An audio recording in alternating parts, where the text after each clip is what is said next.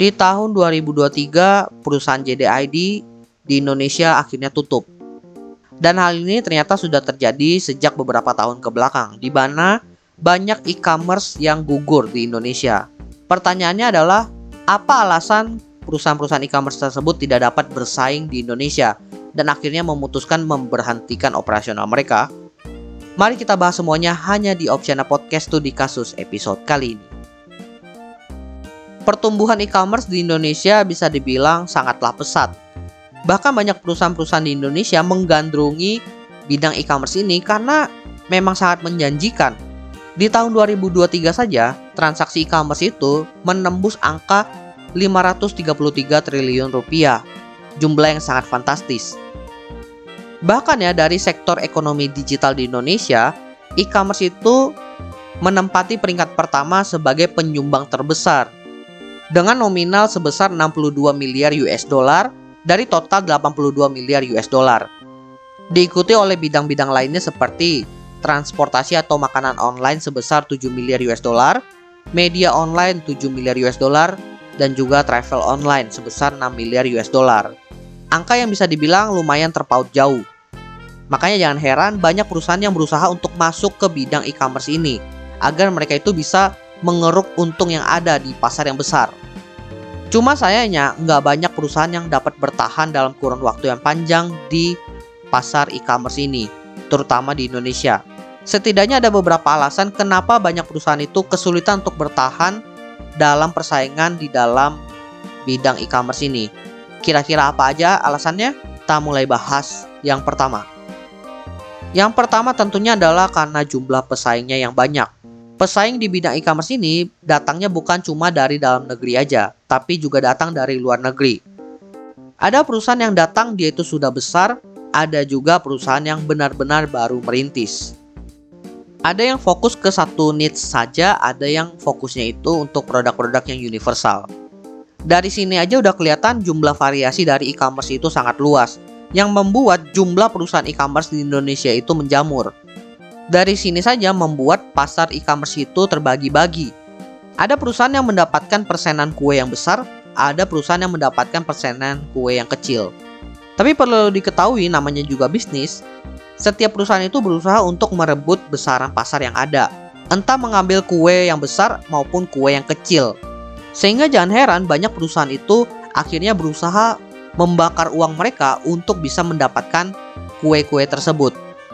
Salah satu cara yang sering banget dilakukan adalah dengan melakukan promo gila-gilaan. Mau perusahaan itu sudah besar, sudah stable maupun perusahaan baru, sama-sama melakukan hal ini.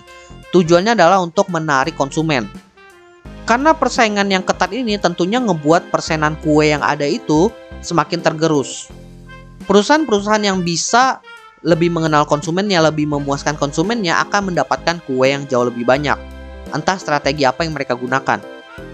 Semakin sengit persaingannya, tentunya akan semakin banyak uang yang mereka bakar. Dari sini muncul pertanyaan apakah dengan uang yang mereka miliki itu masih bisa mempertahankan sisi operasional mereka.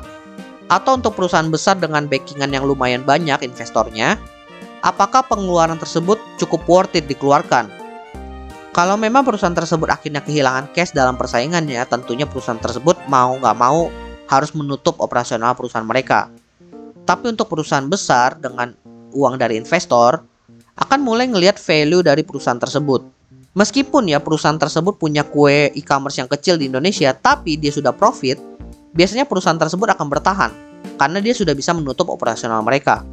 Tapi ada juga perusahaan yang punya kue yang lumayan di Indonesia, tapi karena dia itu belum bisa menghasilkan profit dan ibaratnya pengeluarannya itu besar banget, jatuhnya nggak worthy-worthy amat dengan besaran kue seperti itu. Sehingga jangan heran banyak perusahaan induk yang akhirnya memutuskan untuk memberhentikan operasionalnya di Indonesia. Jadi jangan heran ketika ada perusahaan e-commerce yang kelihatannya baik-baik saja tiba-tiba menutup operasional mereka, bukan berarti mereka itu kehabisan cash atau bangkrut, melainkan mungkin dari perusahaan induknya merasa bahwa apa yang mereka lakukan itu tidak worth it atau mungkin mereka akan berusaha kembali nanti dengan strategi-strategi yang baru. Tapi sekali lagi nggak bisa dipungkiri bahwa persaingan e-commerce di Indonesia itu sangat berdarah-darah dan memang sangat memakan korban. Alasan yang kedua kenapa e-commerce itu sulit bertahan karena terjadi pergeseran tren. Terutama tren saat ini yaitu tren live shopping. Di Indonesia sendiri, live shopping ini lumayan didominasi oleh TikTok dan juga Shopee. Tentunya karena ada pergeseran tren live shopping ini, makanya mau nggak mau perusahaan-perusahaan e-commerce itu harus bisa menentukan strategi yang tepat untuk bisa melawan tren ini. Entah mereka ikut membuat live shopping sendiri, seperti yang dilakukan oleh Tokopedia sebelum mereka itu merging dengan TikTok, atau mereka membuat fitur baru untuk melawan live shopping tersebut. Tapi biasanya cukup sulit ya untuk melawan tren tersebut, karena namanya juga tren lebih mudah mengikuti arus ketimbang melawan arus. Dan biasanya ketika kita mengikuti arus, yang diuntungkan siapa? Diuntungkan adalah perusahaan-perusahaan yang memulai arus tersebut atau start lebih awal. Karena tentunya mereka itu jauh lebih siap dan mereka lebih menguasai tren tersebut. Toh mereka yang buat. Sedangkan perusahaan lain yang dalam tanda kutip terlambat, mereka harus memulai dari awal. Dan pertanyaannya adalah apakah ketika mereka itu sudah selesai membuat live shopping tersebut, trennya masih di situ? Jawabannya kan belum tentu. Jadi bisa dibilang ini semacam buah si malakama. Kalau kita ngikutin tren, belum tentu setelah kita ngikutin trennya itu masih bertahan di situ. Tapi kalau kita tidak ngikutin tren, kita akan semakin ketinggalan dengan kompetitor kita. Jadi jangan heran banyak perusahaan e-commerce yang sampai saat ini belum mempunyai fitur live shopping. Karena ini adalah sebuah keputusan yang besar.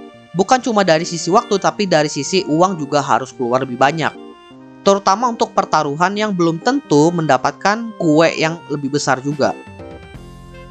Lalu alasan terakhir kenapa perusahaan e-commerce itu sulit bertahan di Indonesia adalah karena terlalu bergantung kepada bisnis e-commerce mereka. Bukannya skeptis dengan pendapatan dari bisnis e-commerce, tapi banyak perusahaan e-commerce yang bertahan sampai saat ini karena mereka itu punya sumber income yang lain dari bidang yang lain. Contohnya, Tokopedia, dia itu juga punya sumber income dari bisnis PPOB-nya. Kemudian juga dia punya bisnis ojek online. Kemudian juga juga berkembang menjadi bisnis financial atau fintech. Kemudian Shopee. Shopee juga mengembangkan bisnisnya ke arah finansial atau fintech yaitu ke arah perbankan. Ya kalian tahu lah bang apa. Kemudian Bukalapak. Bukalapak juga meskipun tidak sepopuler Shopee dan Tokopedia, tapi mereka juga masih bisa bertahan sampai saat ini karena mereka juga punya dalam tanda kutip bisnis-bisnis di belakang, sumber income yang lain. Salah satunya yang lumayan booming itu adalah di buka warung. Jadi bisa dibilang agar mereka itu dapat bertahan, mereka itu tentunya harus realistis juga. Agar bisa operasionalnya itu terpenuhi, mereka harus bisa mendapatkan sumber income yang lain. Meskipun caranya dengan mengambil income dari bidang yang lain di luar e-commerce. Oke, jadi itulah beberapa alasan kenapa banyak perusahaan e-commerce itu sulit bertahan, terutama di Indonesia. Jadi bisa dibilang nggak ada jaminan pun ketika yang masuk ke bidang e-commerce itu adalah perusahaan yang besar, mereka itu bisa bertahan dalam kurun waktu yang lama. Mau itu perusahaan baru, mau itu perusahaan lama, yang penting asalkan mereka punya strategi yang tepat dalam bersaing di persaingan bisnis e-commerce di Indonesia.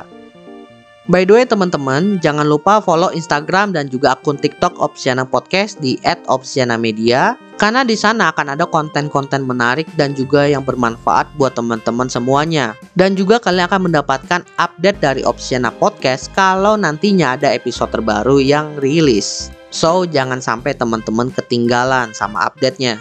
Dan terakhir, jangan lupa juga untuk follow atau subscribe Opsiana Podcast di platform kesayangan teman-teman dan nantikan konten-konten menarik dari Opsiana Podcast nantinya di sana. Oke, okay, gua rasa itu aja. Thank you buat teman-teman yang sudah mendengarkan. See you next time di episode Opsiana Podcast lainnya.